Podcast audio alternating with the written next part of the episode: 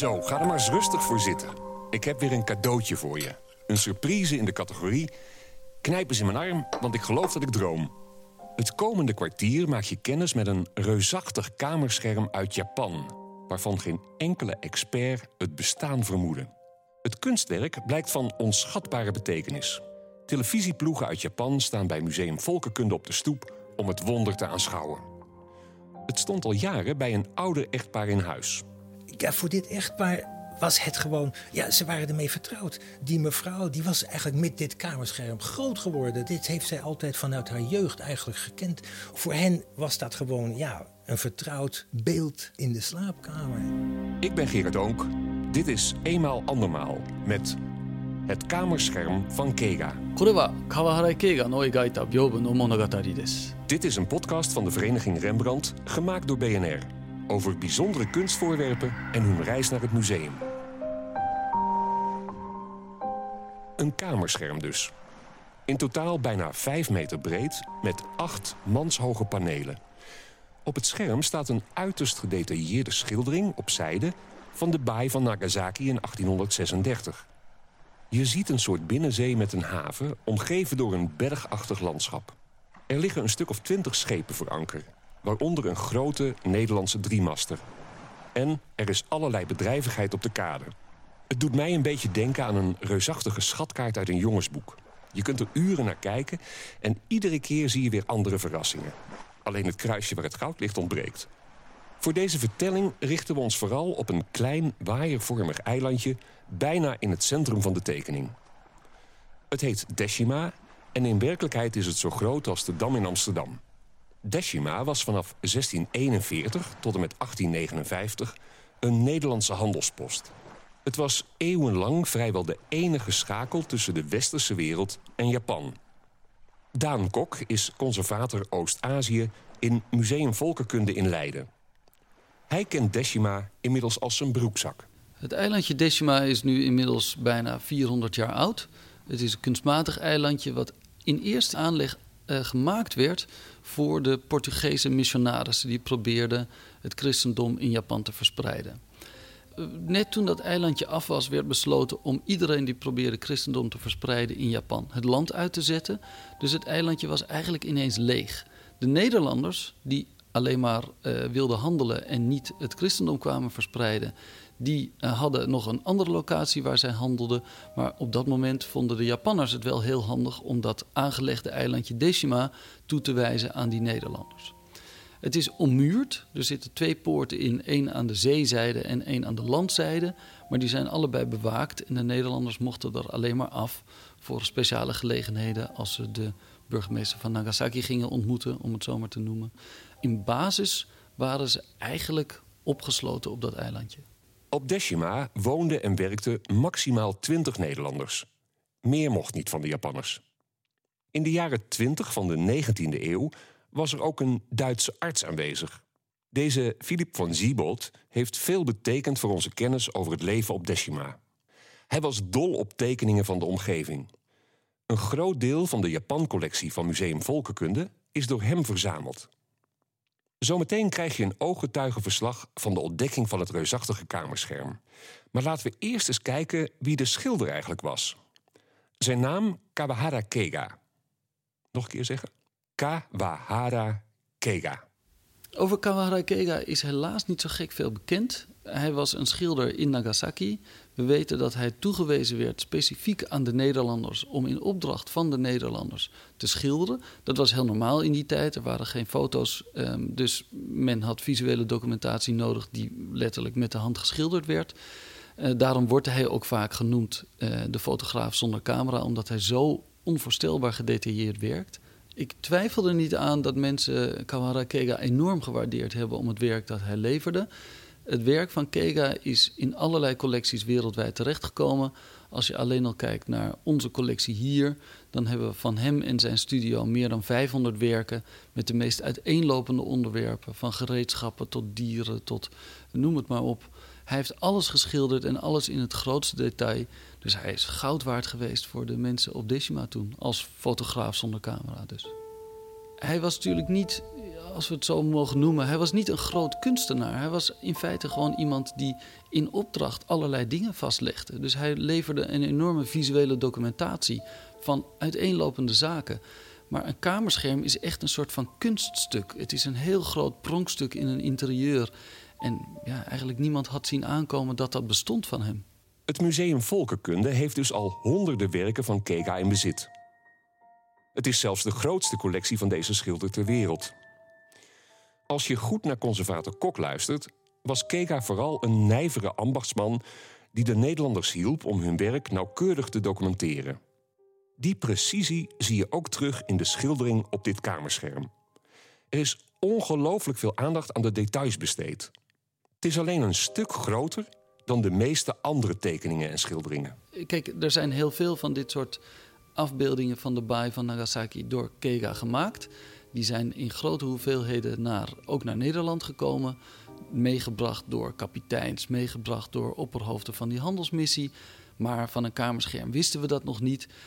Ja, je zou je kunnen voorstellen dat iemand opdracht gegeven heeft voor een baai van Nagasaki, zoals Kega wel vaker maakte, maar gezegd heeft: Ik wil wel een veel grotere dan alle andere die je eerder gemaakt hebt. Het is eigenlijk heel logisch dat als je een, een groter formaat afbeelding wil maken, dat je bij een kamerscherm uitkomt. Um, het meest gebruikelijke formaat in Japan zelf is een rolschildering. Um, de Nederlanders bestelden juist vaak platwerk, omdat ze daar meer aan gewend waren qua inlijsten, et cetera, in uh, Europa. Um, als je iets wil inlijsten, dan zit je ook aan bepaalde formaten gebonden. En een kamerscherm is nog redelijk compact als je het invouwt. Maar als je het uitvouwt, is het een monumentaal stuk. Dit kamerscherm is bijna 5 meter breed als je het helemaal uitvouwt. Um, dus het is inderdaad logisch dat als je een groter stuk wil, dat je qua formaat in Japan bij een kamerscherm uitkomt. Oké, de bijzondere schildering is dus naar alle waarschijnlijkheid in opdracht gemaakt. Je mag zelfs aannemen dat de koper een rijke Nederlander was. Kega heeft namelijk een aantal Hollandse elementen een beetje aangedikt. Decima is, zeer bewust, centraal in de tekening geplaatst. Het Nederlandse schip de Marij in Hillegonda heeft ook al zo'n prominente plek gekregen. En dan is er nog de Hofreisbark, een kleine boot waarmee de Nederlanders luxe geschenken naar Japanse machthebbers brachten.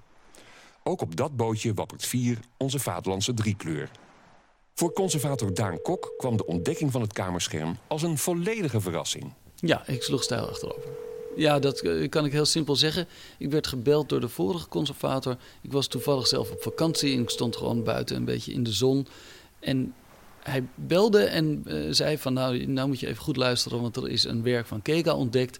En toen zei die kamerscherm, toen dacht ik, nou ja, dat, maar dat klopt niet. Eh, dat moet dan om iets anders gaan, want Kega heeft nooit kamerschermen gemaakt. Um, zoveel wist ik ook wel van Kega. Um, maar ja, die wereld is dus op zijn kop komen te staan. Ook de voorganger van Daan Kok, Matti Forrer, was verbaasd over het reusachtige formaat van deze schildering van Kega.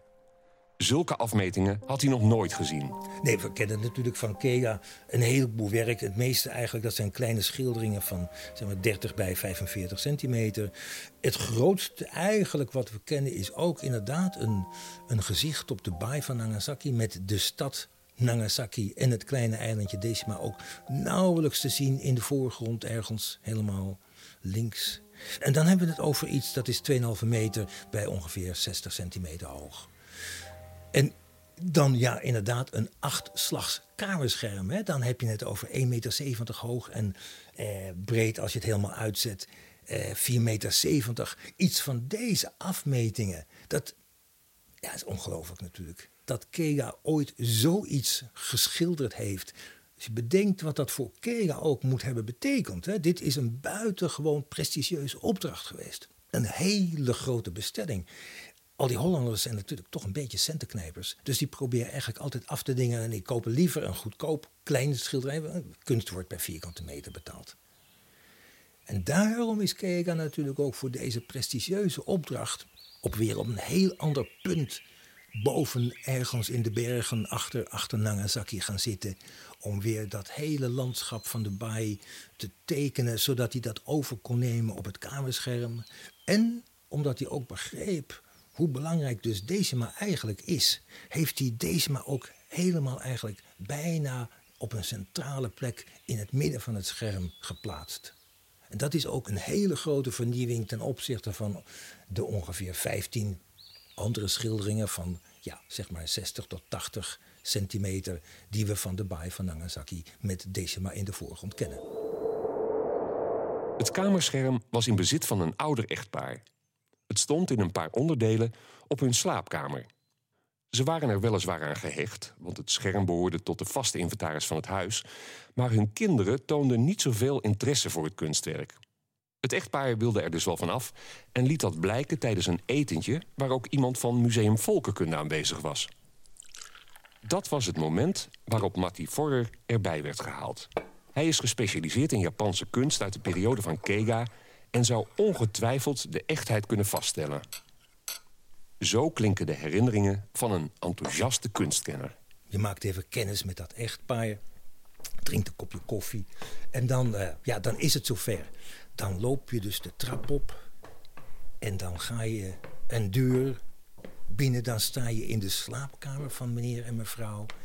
En daar staat een wereldbol, die wordt dan even aan de kant geschoven, zodat je het beter kan. En daar zitten dus vier panelen van dat kamerscherm met zeg maar de linkerhelft van de baai van Nagasaki.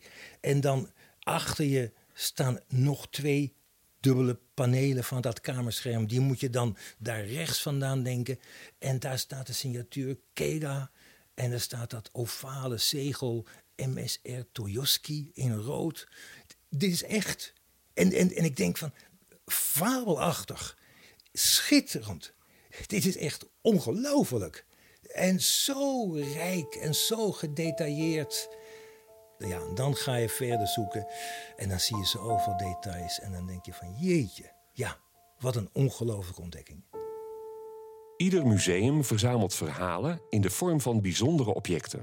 Al die verhalen zijn in eerste instantie als losse bladzijden in een boek, zonder hoofdstukindeling en zonder aandachttrekkende omslag. Conservatoren zijn dag in dag uit bezig om al die verschillende onderdelen in een context te plaatsen. Ze componeren op die manier een verhaal dat interessant en begrijpelijk is voor de bezoekers. Ik denk dat iedere beheerder van een kunstverzameling wel eens droomt over de ontdekking van een werk dat de hele collectie in een samenhangend perspectief plaatst. En precies dat overkwam Museum Volkenkunde in Leiden. Het kamerscherm wordt eerst nog uitgebreid gerestaureerd en daarna krijgt het een ereplaats. Conservator Daan Kok. Zo'n restauratie is heel ingrijpend, vergt ook heel veel tijd. We verwachten dat daar minstens anderhalf jaar voor nodig is. Um, dat heeft ook te maken met allerlei droogtijden van alle onderlagen van die uh, zijde beschildering. Um, en als dat één keer gebeurd is en het kamerscherm weer in volle glorie te zien is, dan willen we het echt als centraal stuk op de Japanzaal tonen. Ook omdat het onze hele Japan-collectie zo mooi samenbindt. Dus het is echt een soort van ingang voor bezoekers om een indruk te krijgen van waar komt die hele Japan-collectie vandaan. Die is allemaal via Decima naar Nederland gekomen. Dus het is eigenlijk een ideaal stuk als soort van startpunt voor het begrijpen van onze Japan-collecties. Laat ik dat eens proberen toe te lichten. Weet je nog dat ik eerder dat kleine Japanse scheepje met de Nederlandse vlag noemde? Die hofreisbark werd jaarlijks volgeladen met geschenken voor de shogun.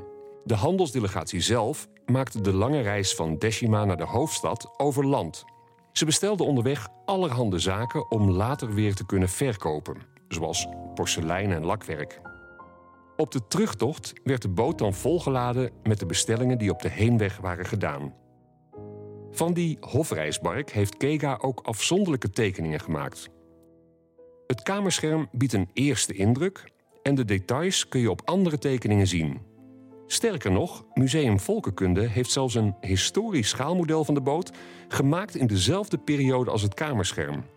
Het is maar een voorbeeld om aan te geven hoe de nieuwe aanwinst verbindingen legt met tientallen andere onderdelen uit de bestaande museale collectie. Dit kamerscherm is een unieke aanwinst en een feestje voor de bezoekers. Ook Japankenners, conservatoren en wetenschappers blijven jubelend over de ontdekking van het kamerscherm van Kega. Neem Matti Forrer. Hij gaat die bijzondere dag nooit vergeten. Ik kreeg het niet uit mijn gedachten. Het was gewoon, jeetje, dat ik dit mag zien. Hè? Zoiets unieks. Dat ik dat nog mee mag maken. Ja, dat is wel een heel bijzonder gevoel. Ik ben vele malen ook terug geweest. En iedere keer weer als ik daar stond en ik keek naar dat scherm, dacht ik van jeetje, wat is dat toch fantastisch. Wat is dat? Het blijft boeien. Iedere keer weer zie je gewoon nieuwe details en denk je van ja, jeetje, wat schitterend, wat schitterend, wat schitterend dat zoiets bestaat en ook gewoon bewaard is gebleven. Dit was een van de twaalf afleveringen van een podcastserie over bijzondere kunstvoorwerpen en hun tocht naar de museumzaal. Eenmaal andermaal is een initiatief van de Vereniging Rembrandt gemaakt door BNR. Luister ook naar de andere elf afleveringen.